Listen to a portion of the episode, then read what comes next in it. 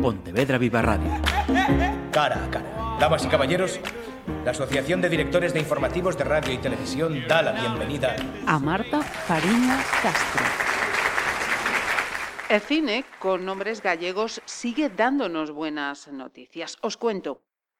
El próximo domingo los miembros de la Academia de Cine empezarán a votar para determinar qué cinco cortometrajes de 14 preseleccionados son los candidatos a los Goya 2023.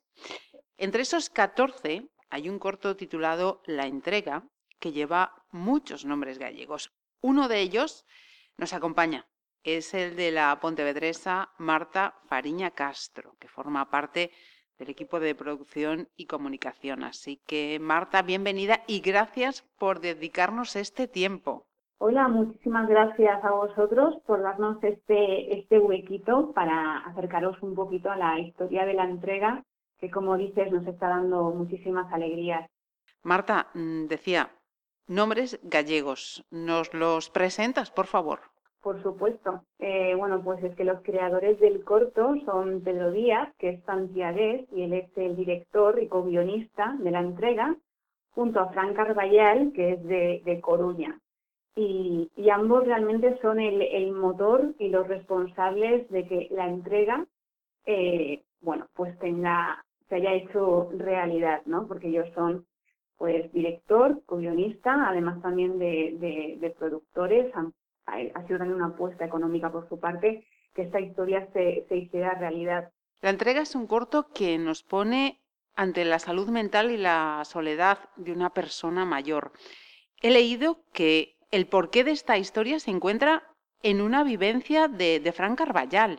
Así es, eh, el origen de la entrega es que es realmente maravilloso, porque como muy bien dices, todo nace de, una imagen eh, muy visual y muy llamativa, que Fran, Fran se encuentra en la calle, ¿no? Es aquí donde, donde ve un señor mayor en unas circunstancias que no podemos desvelar porque es la imagen final del corto, pero lo surrealista de la situación es lo que le lleva precisamente a compartirlo con Pedro, y a partir de aquí ellos empiezan a, desarrollar una historia, la historia de la entrega, que es la que va a justificar cómo esta persona ha podido llegar hasta, hasta ahí y hasta ese momento.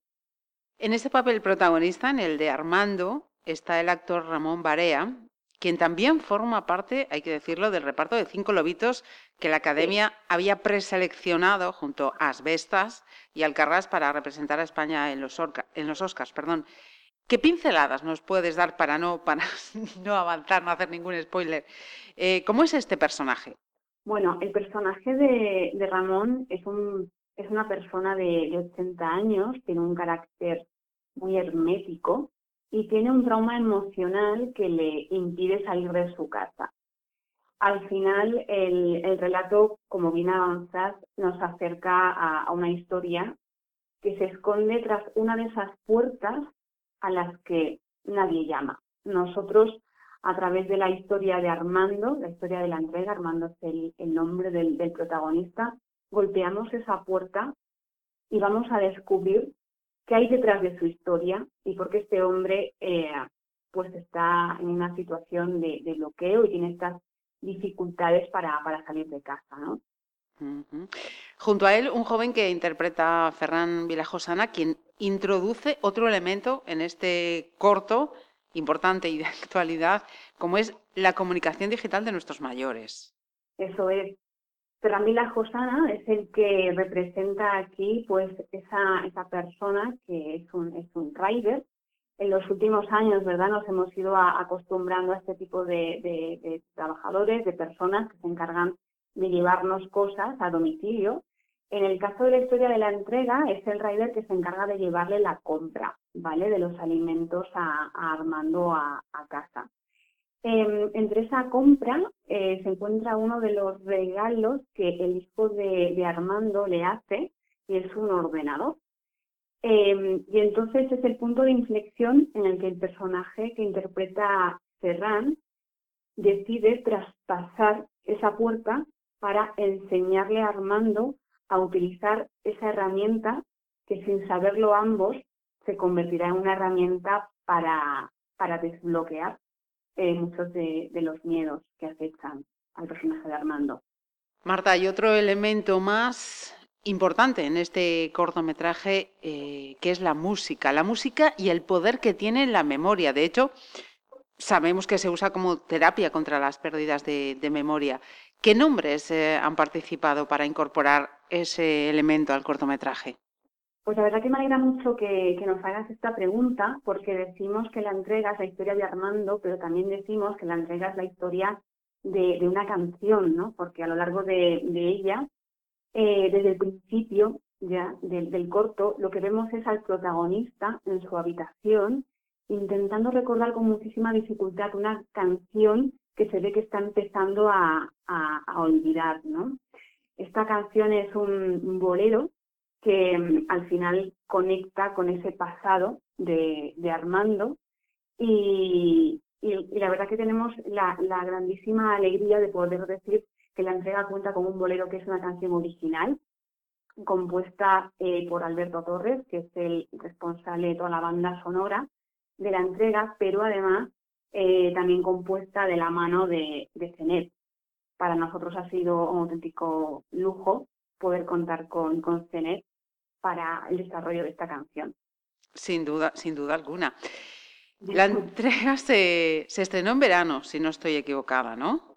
Sí, eso es. Llevamos eh, pues unos seis meses aproximadamente eh, de hecho, estrenamos eh, en La Terriña, estrenamos en un festival gallego, yo creo que uno de, los más irreverentes icónicos, ¿no? que es el Festival de Cannes.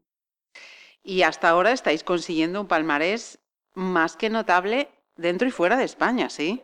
Sí, estamos la verdad que súper felices con todo lo que ha conseguido la entrega hasta ahora. Em, siempre decimos que ya estábamos orgullosos del proyecto una vez se terminó, una vez lo, lo, vimos todo el equipo hecho realidad, pero ya la carrera que ha venido después a nivel de reconocimientos es realmente eh, un orgullo para todos nosotros. En estos seis meses la entrega ha cosechado, bueno, la cifra va cambiando eh, mes a mes, semana a semana, pero bueno, ahora mismo podemos decir que tenemos 17 eh, premios y más de 33 selecciones, tanto nacionales como internacionales. Eh, así que, vamos, muy felices con ello. En racha, totalmente, y que siga. Y que siga, y que siga. Decía al, comienzo, eh, Marta, que el próximo domingo comenzarán a, a votar los miembros de la Academia de Cine. ¿Cuándo se sabrán esas cinco candidaturas finales, que además este año en todas las categorías eran cinco, no cuatro? Eso es. Eh, si no me equivoco, será ya a principios de diciembre, en torno al 1 de diciembre. Eh, como bien indicabas, el plazo se abre este 18 de noviembre. Eh, se prevé que sean 10 días hasta el 28 de noviembre, así que la primera semana de diciembre ya estaremos en situación de, conocerlo.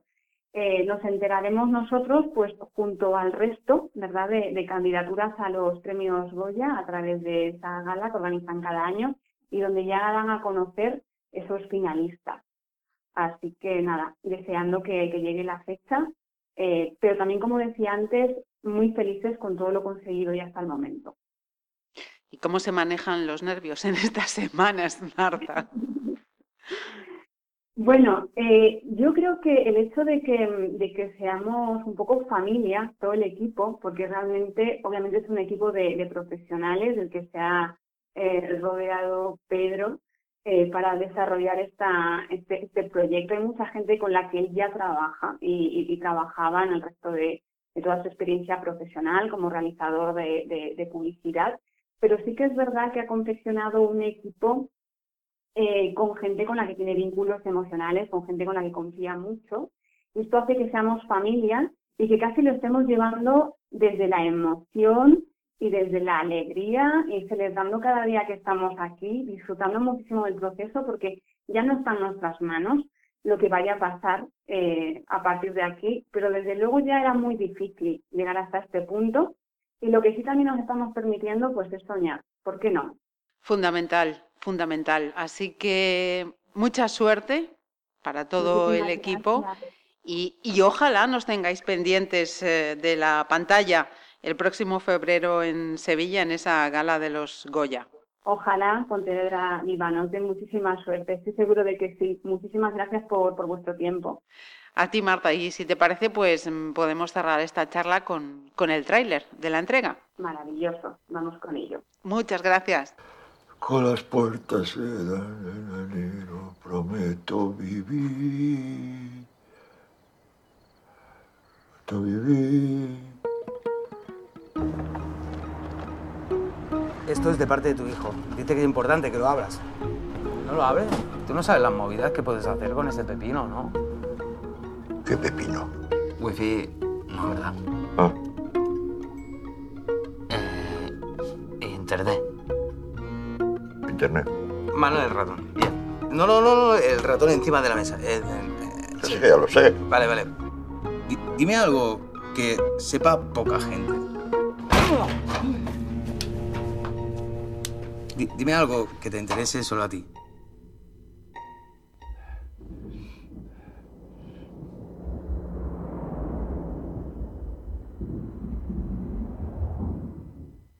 Pontevedra Viva Radio.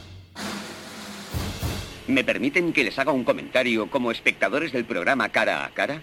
Según un reciente sondeo de mercado, ustedes disponen de estudios e inteligencias superiores a la media. Sus intereses abarcan desde la actualidad mundial y la ciencia hasta el deporte y los espectáculos.